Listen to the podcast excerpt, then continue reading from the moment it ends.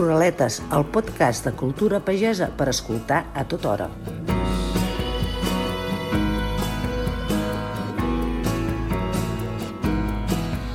Us confesso que preparant la conversa que tindrem ara m'he capbussat en un món que a mi personalment m'ha deixat entusiasmada i és cert que jo ja tinc predisposició. Si agafeu, per exemple, el primer número de la nostra revista, de la revista Rels, veureu que té un article que està dedicat a la camisa de llenyataire. És un article que us recomano moltíssim i que a part de, de que el triomf d'aquesta camisa és molt degut al màrqueting, també ens parla de com els quadres dels tàrtans escocesos, doncs aquells mm, quadres de cada clan, estan a l'origen d'aquesta peça que avui en dia està totalment globalitzada. Avui nosaltres ens plantegem, i ara seré poc ortodoxa fent servir aquestes paraules, aquest vocabulari, ens plantegem parlar de la moda pagesa. Ens entretindrem una miqueta en les vestimentes que portaven els pagesos i veurem si algunes peces o algunes influències han arribat fins als nostres dies, si han deixat algun rastre o el podrien deixar. Potser algú que ens escolti, eh, aquesta conversa li podrà servir d'inspiració per agafar idees per, per noves eh, creacions, perquè el cert és que de la vestimenta dels pagesos de la gent popular se n'ha parlat ben poc, però volem reconèixer a les persones que l'han estudiada i l'han documentada. És un tema tan oblidat que val a dir doncs, que potser justament per això a les persones expertes els sorprèn la meva passió. Tenim amb nosaltres a la Sílvia Ventosa, benvinguda. Hola. La Sílvia és doctora en Antropologia Urbana, és conservadora de teixits i moda al Museu de, del Disseny, dins del Disseny Hub Barcelona, que engloba també altres col·leccions del món de l'artesania i del món del disseny. Ha estat vinculada també al Museu Etnològic, en general té molt interès per l'antropologia, pel vestit popular, cosa que va fer que l'any 2014 escrivís a quatre mans amb la Montserrat Garric el llibre Els vestits populars a Catalunya. És una obra que desgranarem en aquesta conversa, parla de diferents classes populars, els obrers també eren una classe popular, nosaltres ens interessa més doncs, el que feien els pastors, els pescadors i, i els pagesos. A veure, Sílvia, per què vau escriure aquest llibre? Uh, doncs la història és que uh, l'editor Rafael Albertí ens va trucar i ens va dir vull un llibre de vestits populars dintre la col·lecció de ceràmica popular, d'eines de pagès, i jo li vaig dir, mm, això no pot ser. No pot ser perquè no hi ha ni moda pagesa ni eh, vestits populars. Fa molts anys que a Catalunya la gent no va vestida amb el vestit popular. És com una mena de, de referent, d'ideal, de far, però no, no, no existeix però després em va anar convencent i vam dir, d'acord, doncs jo crec que hi ha tota una sèrie de gent que està interessada per aquest tema. Els dissenyadors de moda, els, la gent que fa vestuari de teatre, els estudiants de, en general d'artesania, de disseny, i eh, el que podem fer és un conjunt de referències documentals, tant terminològiques com visuals. I sí, perquè avui aprendrem molt de, de vocabulari. Ara desgranarem tot això, però presentem també a la dissenyadora de, mo de moda Míriam Ponsa, que també ens acompanya.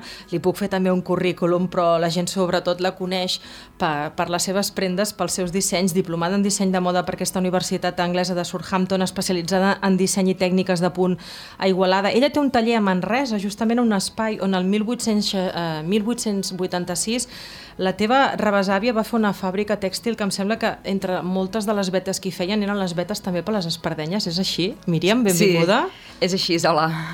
Unes vetes que tu reclames per fer també avui en dia moltes coses, no? Que la veta també és un element del món de la moda. Sí, tant. Clar, jo sóc la quarta generació de família cintaire en els seus inicis i, bueno, i aquella zona del Bages, i Manresa, sobretot com a ciutat principal de, del Bages, doncs era, era un territori cintaire. I de fet encara hi ha, encara hi ha tallers que, que, fa, que fabriquen cintes i vetes, cordons també, encara hi ha molta fabricació de cordó i, i jo sempre intento treballar amb aquests tallers, sempre intento treballar la cinta, els cordons i tot el que és, més, és potser propi nostre. No? Doncs avui ens embolicarem en tot això. Ruraletes amb Txell Bonet.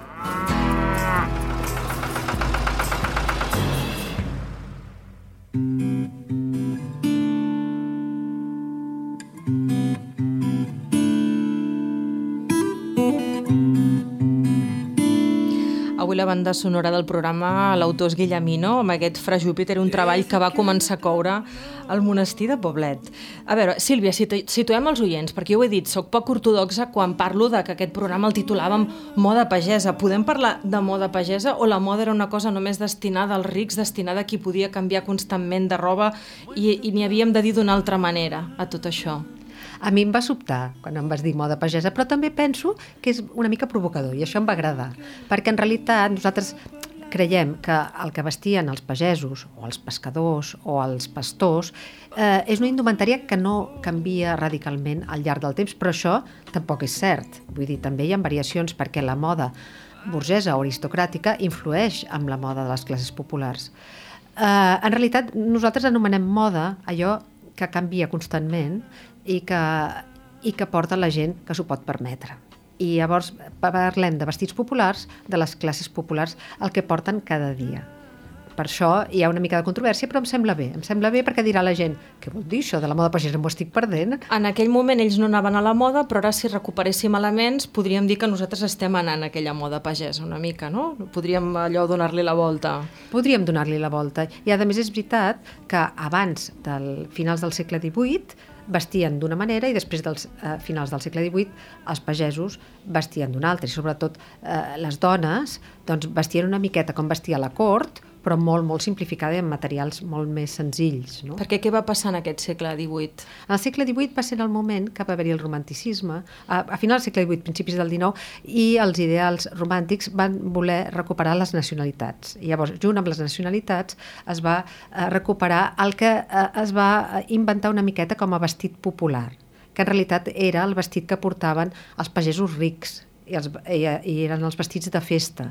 Tampoc eren els vestits que portaven els pescadors per anar a pescar, eh? que eren molt més senzills. Però sí que és veritat que, que són les dos corrents que van en paral·lel. No podem aïllar aquests mons. Avui podem parlar una mica de, de tot, però és cert que una cosa és el vestit popular que es posa cada dia i després moltes vegades la gent deu estar pensant ara amb els folclòrics, amb els regionals, amb la cosa típica, que és una altra cosa, que és gairebé com un invent és, és un invent... Vull dir, la, la, les pubilles de la festa major no és com anaven les pageses, o sí? No, les pubilles de la festa major fins a mm, principis del segle XX anaven vestides com el seu vestit de ric, diguem, de cerimònia o tal, però era el seu propi vestit. I després, a principis del segle XX, amb Neureri Campmany, es va pensar que es volia recuperar els vestits de les dones riques, pageses, del segle XVIII. I es va fer una mica un invent de la tradició, que és un tema que ens apassiona, perquè és construir un món nou, una mica basat en estereotips, però si saps que són estereotips i que és una construcció, doncs llavors va molt bé, perquè eh, t'allunyes una mica i ho valores, no? De fet, és un, un tema que jo deia que m'apassionava perquè és com molt poc estudiat. No? La, la, Sílvia, eh, la Míriam em comentava que, que el llibre de la Sílvia sí que el tenia, però que a vegades anava a la biblioteca de, del, del Hub, que la recomanem des d'aquí al programa també, però clar, és, és, no sé si és perquè és poc vistós, clar, tu no podem parlar de que no t'hi has inspirat, Míriam, perquè tu sí, però a vegades és més fàcil agafar, no sé, els vestits allò de coloraines de Guatemala, aquells brodats amb aquells colors fúcsies i no sé què, que també em sembla que eren un uniforme que van posar els espanyols als diferents pobles eh, maies, però, clar, no, no, és com molt desconegut tot això, no? Del que parlarem avui. Mira, jo crec que... No se n'ha fet cap exposició, no? Jo crec que hauríem de parlar de la rebesàvia de la, de la Míriam. Clar, eh, en realitat, eh, quan va haver-hi la industrialització tan important a Catalunya, eh, doncs va ser una zona que les dones no podien seguir teixint i filant a casa seva per vestir la seva família, com va passar a Salamanca, o va passar a, a, a Guatemala, o va passar a altres. Totes les mans es necessitaven a les empreses tèxtils. I llavors es va perdre una miqueta el eh, menjar tradicional, perquè les dones no podien anar, eh, si us fixeu, el menjar tradicional de Catalunya eh, doncs és molt senzill, són coses a, a la brasa, o vull dir les calçotades, la carn a la brasa, això que diem que és tan català, eh, en realitat és molt senzill, no són plats de, de, de, de moltes hores. I el vestit va passar igual. Elles van poder accedir a comprar, eren les primeres consumidores de, de, del que produïen les fàbriques, però no van poder seguir amb la tradició. I per això fa molts anys, vull dir, potser des de principis del segle XIX, eh, els vestits eh, populars són molt, molt senzills a Catalunya. Ah, la Míriam sempre diu que, que eren vestits que havien de ser per treballar, però que en canvi no tenien la tecnologia d'avui en dia i aquelles faldilles pesaven molt, per exemple, no? A mi em sembla que sí, oi, Sílvia, que aquelles, aquelles faldilles pesaven moltíssim perquè eren o de lli molt gruixut o de cotó, Sí. no? Sí, sí. d'aquests, uh, més, més llargues fins als peus, no? I, que, i que jo m'imagino, per exemple, aquesta mateixa faldilla ara, amb un teixit de, de nylon o de polièster, um, que sigui, uh, o sigui, que sigui resistent a l'aigua, i clar, el pes és, no sé, aquelles faldilles que potser deurien pesar un quilo i mig o dos. I, I a part portaven molts anagos a sota. És a dir, fins a mitjans del segle XIX s'havien arribat a portar fins a 12 anagos a sota, en un cas de cerimònia. Vol dir que és un pes impressionant. I a part del tema de la higiene i de la comoditat. Uh -huh. uh, podem parlar de- com molt ràpidament de, de com el, les peces així com més definitòries? Perquè clar, els homes abans de portar pantalons portaven calçons i a més a més no existia el que és la cremallera i la bragueta, no hi havia aquella cosa com tan elegant que a mi m'agrada tant que és com un davantal, no? Sí, això encara ho podeu veure al Museu del Disseny, que estan exposats eh, el, els vestits del segle XVIII.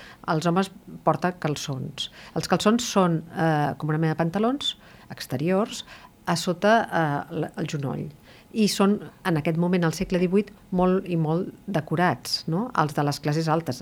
Però les de les classes populars el que fan és imitar aquest sistema, però amb uns teixits, com diu la Míriam, de lli o de cotó, eh, sense ornamentació. El que diferencia les classes socials en aquest moment i els gèneres també eh, no, és- no, ah, perdó, no, són, no és el gènere, sinó l'ornamentació. Si tu et pots permetre brodats, puntes, eh, fils de seda, tot això és el que diferencia les classes. I una cosa també molt característica és el coll de la camisa, no? És a dir, abans els pagesos no duien un coll doblegat. Això no sé si és ve d'una moda de, la, de França o d'on ve, però vull dir que no, no sobrava una solapa de coll, no?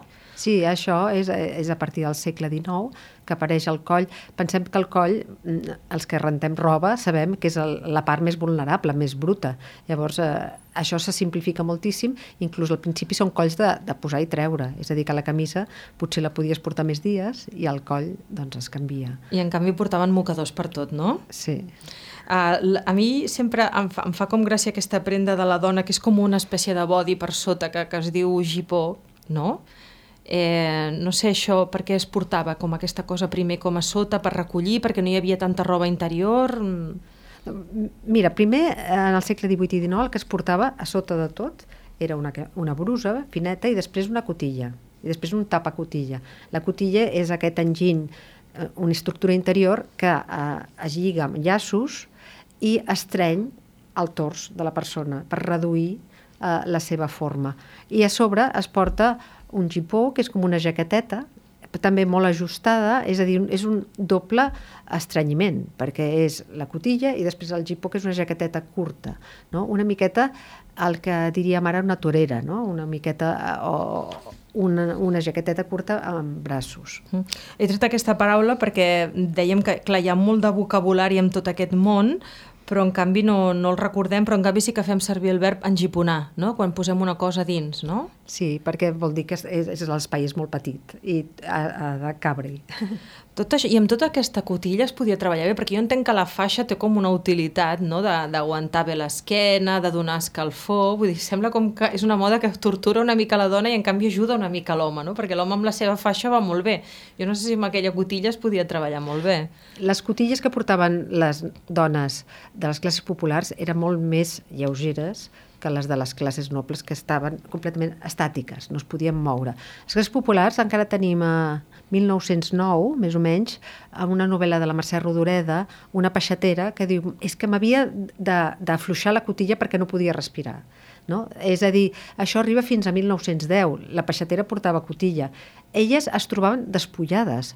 Era un tema tan eh, mm, incorporat a la vida social que les persones que no portaven cotilla o eren persones de mala vida o, o eren persones que eh, no existia aquest model.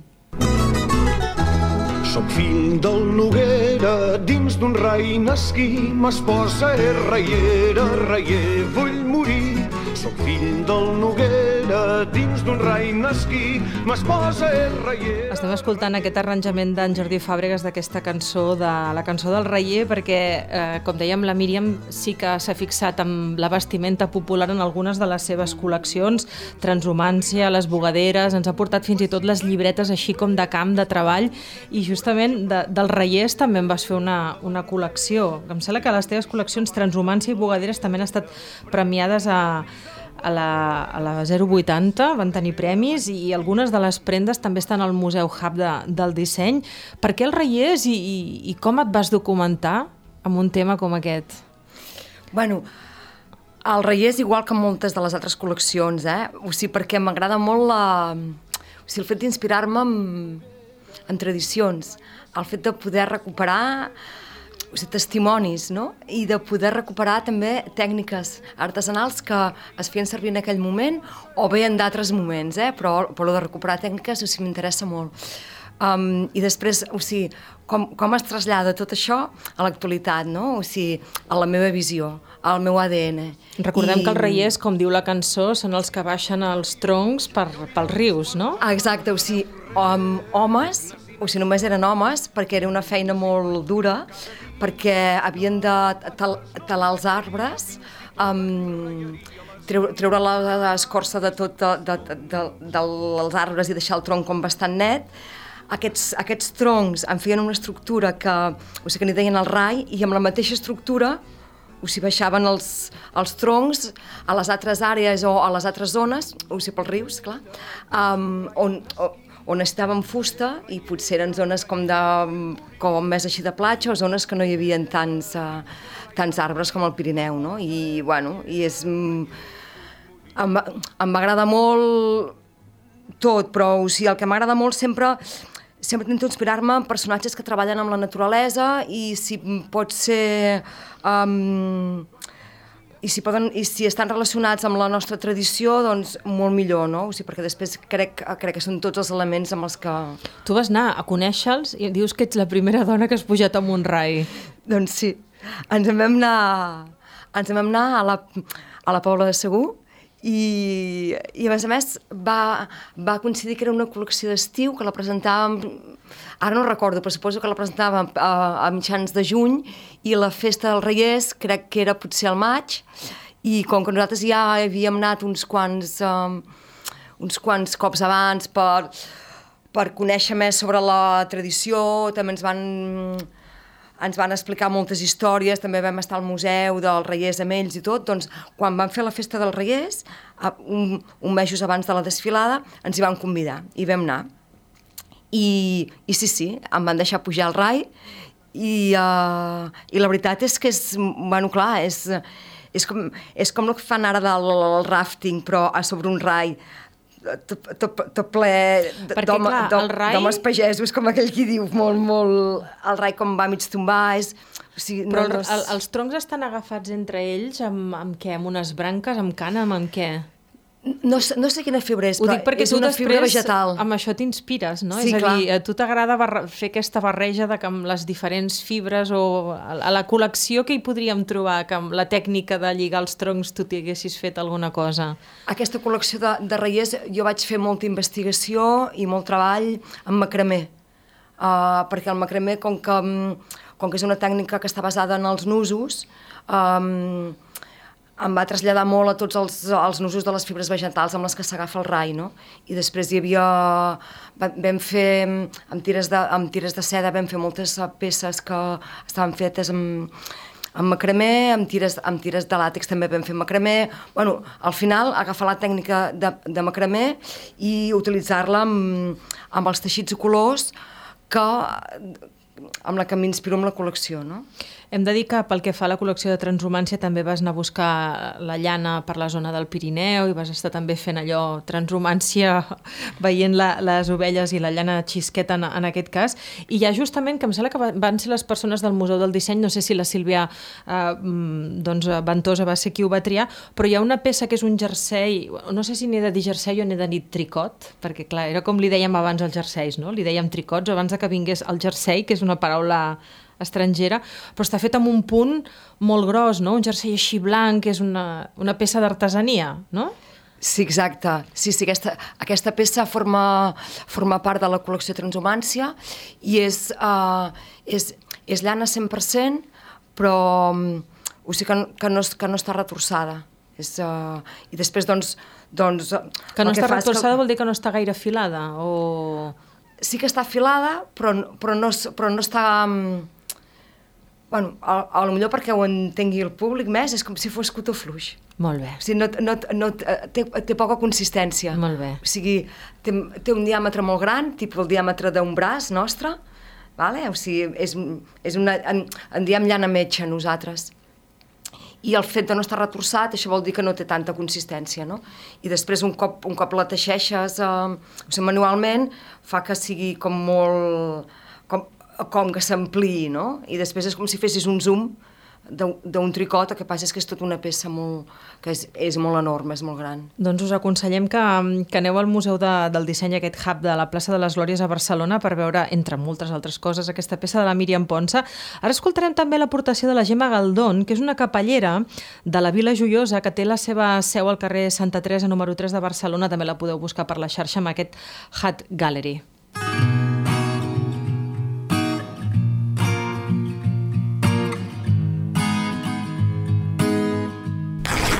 Per mi el barret més representatiu dels països catalans seria el barret dels segadors, eh, barret de gran ala i forma campanada per protegir-se del sol fins als ombros, que no, no tenia gènere, com a molt alguna talla, però és que tampoc tot i que els homes portaven la cinta color negre i les dones en diferents colors com vermell, verd, groc. Eh, aquesta cinta era per deixar-lo penjant a l'espatlla o ajustar-lo al coll en els dies de vent amb dues opcions eh, el que permetia era deixar les mans lliure i continuar treballant. Els trenaven ells mateixa amb fibres rústiques, que, que eren les que treba, treballaven al camp, i aquest tipus de barret també era per a mariners i altres feines, com podem veure a les pintures de Joaquim Sorolla. Es podia complementar també amb un mocador baix de, del barret per a que eixugara la sudor i també per, per protegir-se de, de la palla i la pols al cabell, eh, sobretot de les dones, i no despentinar-se amb, amb l'aire, perquè, com ja dic, abans no, no passaven per la dutxa després de la feina, potser només eh, eh, passaven per aigua i sabó eh, el diumenge.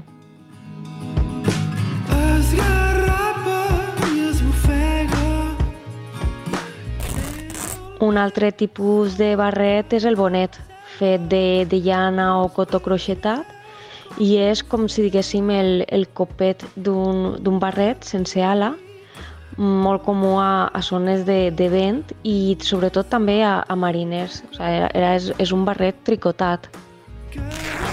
Del ratge folclòric de la comunitat valenciana eh, m'agrada molt també el barret d'alborsos que és una, una peça redona en forma de casquet que es feia eh, en cotó seda i, i està fet d'un punt de ganxet molt similar a, a com es feia un mitjó.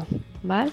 I és per, per cobrir-se el cap eh, sense ales, és ajustat al cap, i adornat amb eh, el, els, diguem que, que el remate d'aquests fils es feien unes borles de, de colors perquè el, el barret anava fent com a eh, cenefes i, i línies de colors i aquests colors acabaven en, rematant-se amb una espècie de borles que caien de cascada.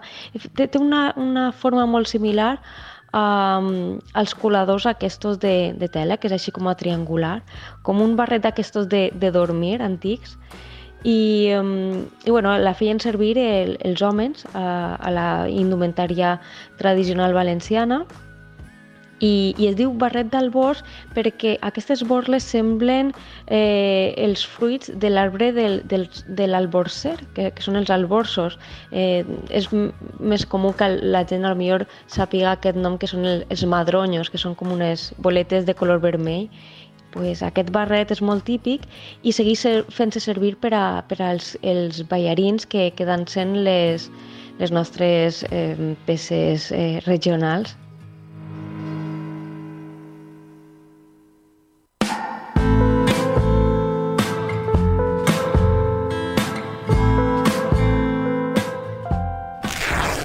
aquest últim model que, que t'he dit, que, que és el de, el de fet de calça, a mi m'inspira molt perquè a banda és un model que, que ha tret Missoni i que, i que, eh, o Armani i, i que està, ha estat en passarel·la. O sigui, el que passa que, que no ho associem a, a llocs, eh, a, a, o sigui, a indumentaria regional o folclòrica valenciana o de, o de països catalans, perquè crec que a, a les illes també també és eh, comú aquest, aquest model, que també se li diu còfia.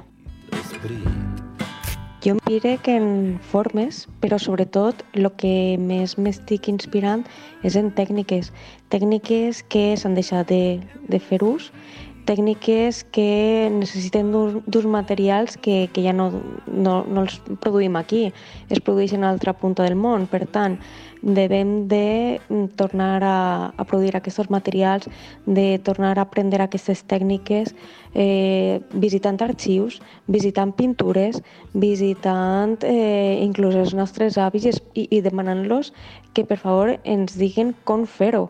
Eh, jo eh, he fet eh, moltes tècniques a base de preguntar i això s'ha de tornar a, a posar eh, de moda, diguem, perquè està molt bé que les màquines facin moltes d'aquests trenats i d'aquestes tècniques, però quan nosaltres aprenem una tècnica, és com, com aprendre una cal·ligrafia, és, és tan maco i a mi això és el que realment m'inspira. Més que una forma, és una tècnica i és la, la recerca que faig cada dia. Evidentment, ja no tenim les sederíes que havien abans a, a la nostra zona, però eh, tenim que anar a aquests arxius i rescatar, recollir tota aquesta informació perquè tota aquesta informació està parlant de nosaltres, està parlant de la nostra idiosincràsia, està parlant de, eh, les nostra, de la nostra cultura, dels nostres materials. I avui, mm, bueno, aquesta setmana ho parlava amb, amb gent que, del sector que més que trobar coses de l'altra punta del món, tenim que tornar a trobar les coses que teníem més a l'abast i que s'han deixat de produir. Per tant, ens tenim que tornar a influenciar de les mans dels nostres avis a l'hora de construir, tant en forma com en artesania i en tècniques.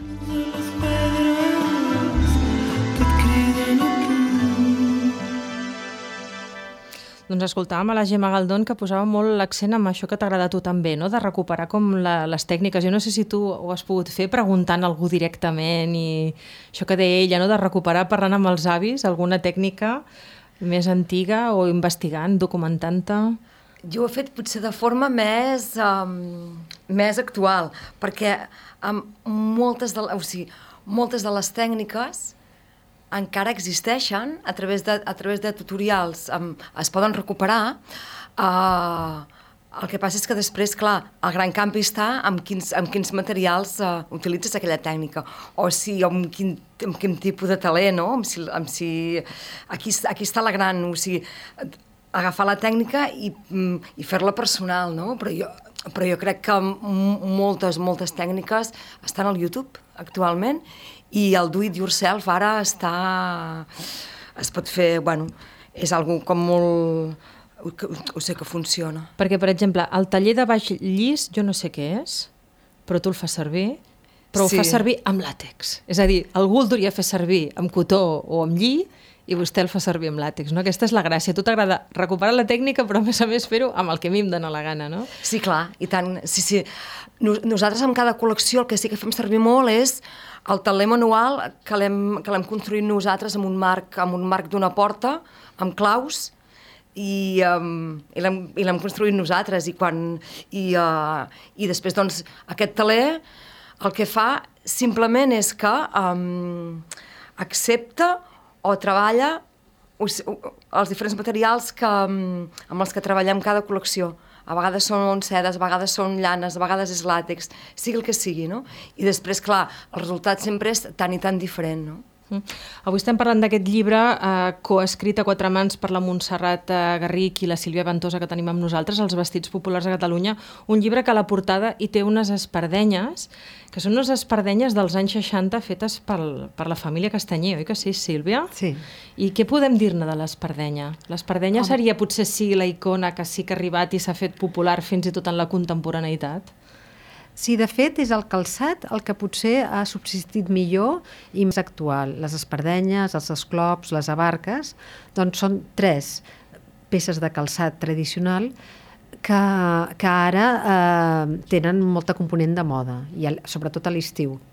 I llavors eh, el que és important és que potser les espardenyes de vetes sí que tenen importància, però potser no tant, són, són més aviat les, les que en dèiem les espardenyes embordaneses o de forner, que no tenen, que no tenen vetes, les que són universalment eh, portades. Són fresques, són còmodes, són barates, eh, vull dir, tenen molts dels atributs que nosaltres necessitem per l'estiu, no? I com deies tu, sense les vetes es posa molt ràpid, que és el que necessitem avui en dia, que tot es fa ser ràpid, però les espardenyes també poden ser molt glamuroses.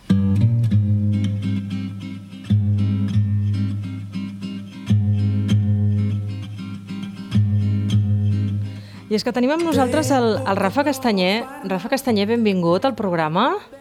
Què tal, com esteu? Bon dia. Doncs mira, amb moltes ganes de parlar també d'unes espardenyes eh, històriques com són les vostres, perquè em sembla que això comença el 1776 a Banyoles, l'any 27 es torna a recuperar, es fan aquestes espardenyes de set vetes mm. pels soldats de la Guerra Civil i després els teus pares, Llorenç i Isabel, diuen, no, mira, anem a començar-ho a modernitzar. El que potser no s'esperaven ells és que algú com Yves Saint Laurent truqués a la seva porta i digués, anem a fer espardenyes amb taló. No? A veure, que, que, com va passar tot això?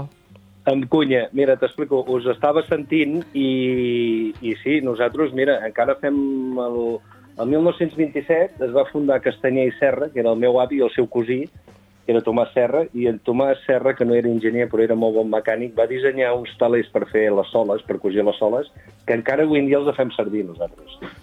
I són uns talers que tenen 90 i pico anys i encara doncs, els eh, tenim, els amimem molt i molta part de les soles de les espardenyes Castanyer les fem. I també vam recuperar uns talers molt antics per fer la, la talonera, la part de, de, de, de darrere. I si em permets, res, una, una petita... Estàveu parlant de les espardenyes de set vetes. Nosaltres, bueno, no, les, les, les vàrem fer, de, com deies tu, doncs, els soldats de la Guerra Civil, i, i, i, i tot això, però les hem recuperat i, i avui en dia, per exemple, doncs, te les pots trobar doncs, una botiga tan glamurosa com Santa Eulàlia.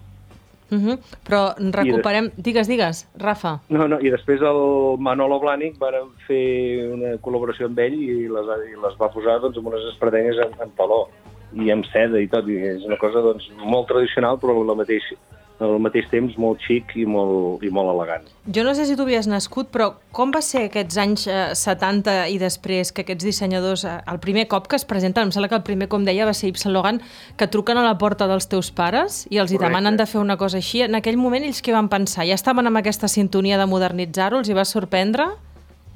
bueno, eh, Sí que és veritat doncs, que aquí, a Catalunya, a Espanya, doncs, la revolució industrial doncs, va ser més tard, no va ser a partir de després de la Guerra Civil, com dius, a partir dels 50 i 60, i clar, les espardenyes de set vetes doncs, era un element una mica obsolet, un, bueno, obsolet no, era una mica més tradicional del camp i, i, i tal, però també és cert doncs, que els pagesos doncs, van deixar, molts van anar a la, a la ciutat i ja, ja no duien espardenyes, no? perquè les fàbriques ja duien doncs, les, les xiruques i així. I als anys 60 també a Espanya i, i aquí a Catalunya hi ha el fenomen del turisme i també doncs, bueno, doncs, eh, doncs aquestes espardenyes més planes, més tradicionals, doncs, eh, li donen un toc de color i un toc així doncs, pels turistes doncs, de la Costa Brava, de, de, de les Illes Balears i, i això. Després dels 60, els meus pares, ai, els 70, o sigui, jo soc del 70, el 72 o el 73, els meus pares van anar a una fira a París i va entrar un noi molt tímid, acompanyat doncs, amb dos nois, que era l'Yves Saint. I estava buscant doncs, que algú li fes doncs, una, un, una idea molt bona, no? doncs, que era una espardenya amb cunya. I, i l'espardenya no només és un, és un producte, doncs, de, bueno, és molt mediterrani, no? però també doncs, al sud de França, Sant Joan de Luz, també hi havia fabricants i al País Valencià, i ningú, ningú sabia com fer-ho. I la meva mare el va reconèixer perquè la meva mare doncs, de Perpinyà, així, doncs, es comprava el bogue i tal, i, i el meu pare de seguida li va dir que sí. I la meva mare va dir, bueno, com ho farem? Bueno, no ho sé, no dius que és tan famós aquest noi, aquest Elis Salaran, que estava triomfant i havia deixat la casa Dior i, i ja tenia la seva, seva pròpia casa, i els meus pares varen acceptar el repte, no? I van tornar a Banyoles, es van posar sobre la taula i no, bueno, no se'n sortien, no? I van avisar uns amics meus, uns amics seus, que eren, eren francesos, eren fabricants de, de, de sabata i calçat, i els van enviar un tècnic i, bueno, i, i, juntament doncs, varen fer doncs, aquesta espardenya de, de, de, de, de cunya. Estem parlant dels anys principis dels 70, que esclar, no hi havia ni mòbils, ni fax, ni, ni, ni idees. Se'n van anar a Girona, van donar una propina en el, en el revisor del, del Talgo, aquest senyor les va portar a la Rue Petrarque, que era on tenia el, els despatxos el senyor Isaloran, i, i, i bueno, absolutament va dir que sí, que ho volia, i les va introduir doncs, en el seu desfile, doncs eren amb seda, i bueno, era una cosa doncs, super elegant, super xic, super moderna, i, bueno, i aquí doncs, es reinventava una mica doncs, la, la història de l'Espardenya. No? Molt bé. Doncs, uh, Rafa, no tenim més temps, però ens has deixat clar que la moda pagesa sí que va entrar a les passarel·les de, de París. Gràcies, gràcies a aquest senyor, a aquest revisor amb aquesta propineta del Talgo. Eh? Això ens, Exacte, ens ha encantat. Moltíssimes gràcies. Sí. Fins Molt la bé, pròxima. Doncs una abraçada. Que vagi bé.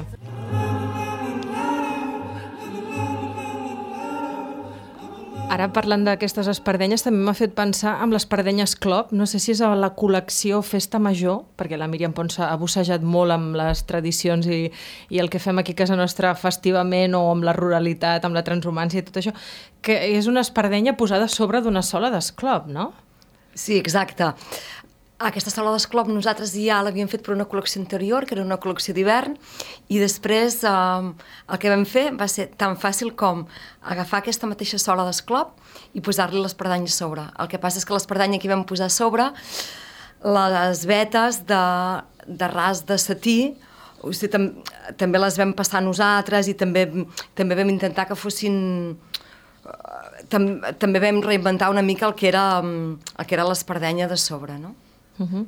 Ara uh, hem anat parlant de tot això, no? la Gemma Galdón, que deia que la gent se sabia fer els seus propis uh, uh, barrets de, de palla, no? el barret de palla, una cosa que també tan, tan útil abans pel treball del camp, clar, és la diferència ara, qui, qui està bru de pell és perquè no treballa, abans qui estava bru de pell és perquè treballava la, la terra, no? quins canvis de, de les modes en el color del pigment de, de la cara, no? però el que s'ha perdut una mica són el, com que vivim en aquest món de la hiperespecialització, sabem fer, potser si és que sabem fer molt bé, molt bé, molt bé, una cosa molt, molt, molt específica i clar, totes les altres no les sabem fer perquè avui en dia qui es podria cosir una, una prenda, no? Tot això, és a dir, potser també dins de la moda o vestimenta l'antiga hi havia el do it yourself aquest que deia la Míriam, estava integrat, no? Sí, jo crec que ara s'ha perdut potser la tradició d'àvies, a mares, a filles, però hi ha una gran moda eh, front justament a la tecnologia que ens envaeix, a tot el món virtual, de fer-t'ho tu mateix. I potser fer-te una camisa de dalt baix és difícil, però sí que hi ha una certa eh, idea de reusar, reciclar, reconvertir. És a dir, amb una camisa o amb un barret o amb un abric, t'hi poses allò que tu et sembla que t'identifica i que et fa diferent dels altres. Uh -huh. uh, ens queda poc uh, temps, jo no sé si hi ha alguna cosa important que voleu comentar, jo el que sí que voldria és deixar clar que el llibre està ple de fotografies, fotografies de les col·leccions de, de la Míriam Ponsa on apareix aquest famós jersei amb aquesta llana poc tibada que sembla cotofluix, però també hi ha fotografies molt antigues i, i un homenatge a algunes de les persones que un em sembla que era una espècie de governador que anava per, per Catalunya, un ah, sí. governador de Madrid que anava per Catalunya per conèixer-la i anava apuntant molt com anava vestida la gent i els hi preguntava coses. I l'altre és un personatge, aquest, aquest que dèiem com es diu? Aquest Sílvia. és el Francisco de Zamora. Francisco de Zamora. A finals del segle XVIII era una, una persona que, que estava destinada a Catalunya i el que feia és anotar tot el que passava a cada, a cada poble o a cada ciutat, però tot. Llavors és un, una font d'informació impressionant. Fins i tot els hi preguntava si es dutxaven, oi? Sí, sí, I tothom tot, deia, tot. més o menys van nets. Sí, i deia, aquesta fonda d'aquest poble eh, està bruta o està neta o no sé. Sí, sí. I, i sobretot descrivia molt bé com anaven vestides les persones ah, i ah, quants talers hi havia, quantes filadores hi havia eh, i a més moltes d'aquestes respostes al qüestionari de Zamora estan publicades per pobles. És uh -huh. a dir, que no sé si coneixes la de Manresa, però n'hi ha de Rubí, hi ha de, hi ha de molts llocs, i saps exactament, a finals del segle XIX, què passava en aquella ciutat. També hi ha comentaris del, del baró de Maldà, que en aquell moment també es fixava més amb els, amb els rics, però després hi ha, hi ha un personatge que em podríem dedicar, mira on arriba la meva passió, que se li podria fer un programa. És el senyor Ramon Violant, que va néixer al Pallars i que anava pels pobles també mirant com vestia la gent i comprant prendes, oi que sí? Sí. Comprant prendes com per poder-les conservar, que no s'ha fet mai una exposició de com anaven vestits els pobres i els pagesos, no? Però No. ell anava comprant peces. És, i... és un personatge meravellós. Jo el considero el, com el meu avi, eh, perquè era eh, un etnògraf bastant eh, auto eh, educat i eh, feia unes llibretetes que es conserven al Museu Etnològic, fetes a mà, amb llapis, però d'una pulcritud i d'un cientifisme sense ser-ho, de científic, que és més, a vegades, que un acadèmic. I anotava tot el que veia als anys 40 perquè ell ja veia que era un món que s'estava perdent a Catalunya. I, per tant, volia recollir-ho tot, però tota la ceràmica, tota la cistelleria, tota la indumentària... Sí, i en aquest cas anava comprant i anava fent entrevistes a teixidors, a Poblet a Bellveí hi havia una família de teixidors, a mà va recollir el taler, que era del segle XVIII, el va portar al Museu Etnològic, eh, era un personatge apassionant. Se li hauria de fer una exposició, I eh, amb aquestes llibretes.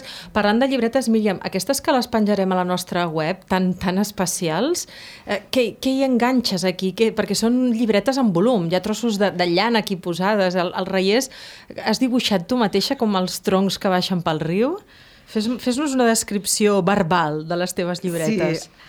Aquestes, aquestes llibretes són... Bueno, cada llibreta forma part d'una col·lecció concreta i és, és, és el meu full de ruta. O sigui, aquí és on, on dibuixo, on m'anoto, on enganxo trossos de teixits d'aquella col·lecció, d'aquell tema, però sobretot ho faig per no oblidar-me'n.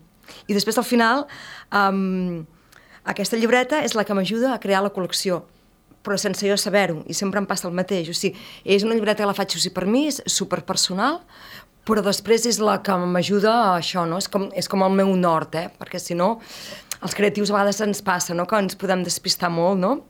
que ens en podem anar per les branques, doncs aquesta llibreta a mi el que m'ajuda és a acotar-me i a dir, vale, o sigui, aquesta idea que he tingut és la que després he de fer, eh? en peça, no? I ara tens la llibreta del Lanar perquè la col·lecció d'estiu estarà dedicada, com dius tu, que t'inspires molt en la natura. Serà aquest art de la, de la natura, aquest art de la terra. No sé si ja tens alguna llibreta de l'Anart on hi vas apan- apuntant coses i dibuixant i enganxant.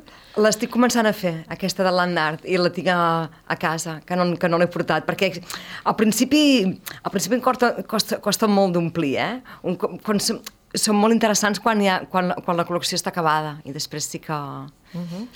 Doncs eh, ens, anem a, ens anem acomiadant. Eh, Recordar que la Míriam Pons ara fa col·leccions com estacions i que justament amb el Marc Salleres, amb aquest artista, amb una platja fareu, doncs la, la, la desfilada serà una performance de, de l'Anart. Breument ho veurem a, a les xarxes i a la pàgina web de la Míriam eh, Ponsa.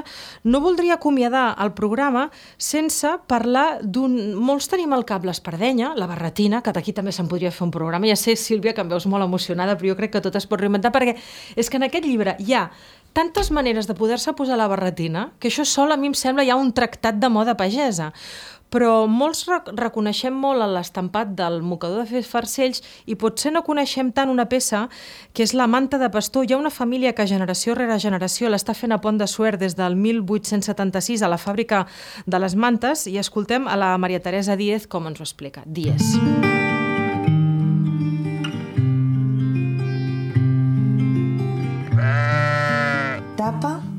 boques.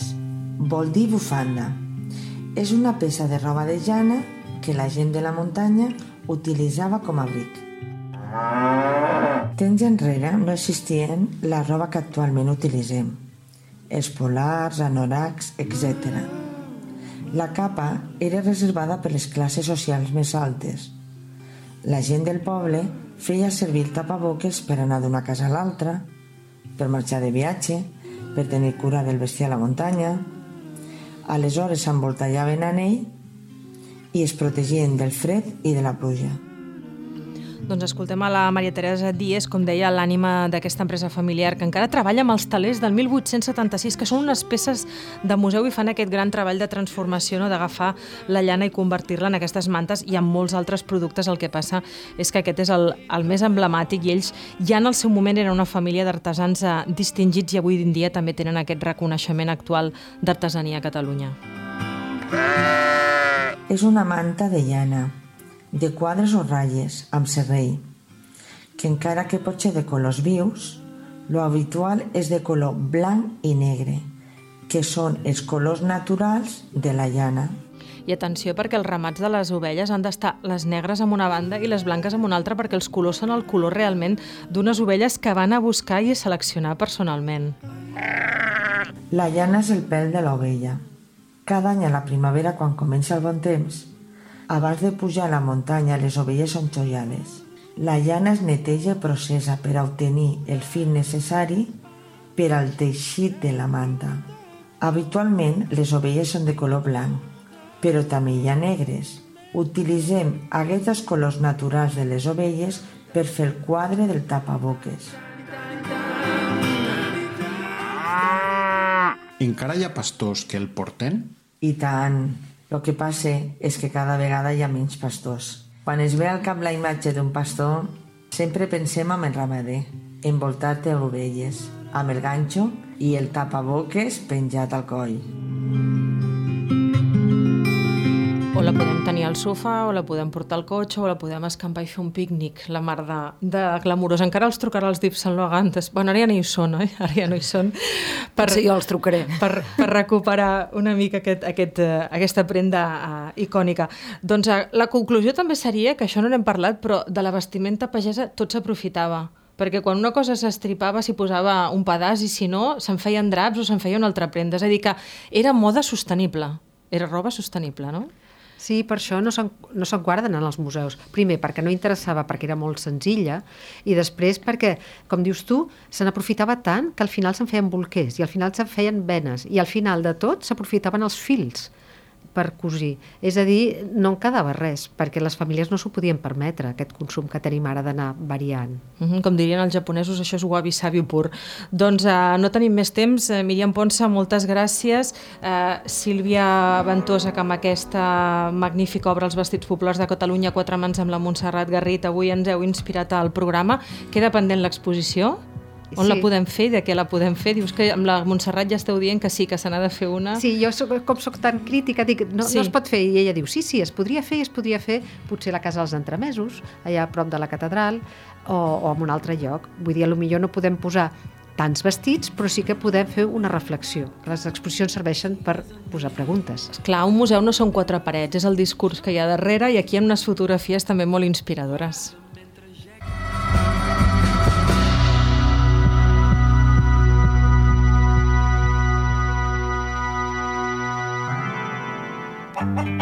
Si vols ser un autèntic ruraletes, tens dues opcions. Ens escoltes o et fas pagesa com jo. El podcast de Cultura Pagesa per escoltar a tota hora.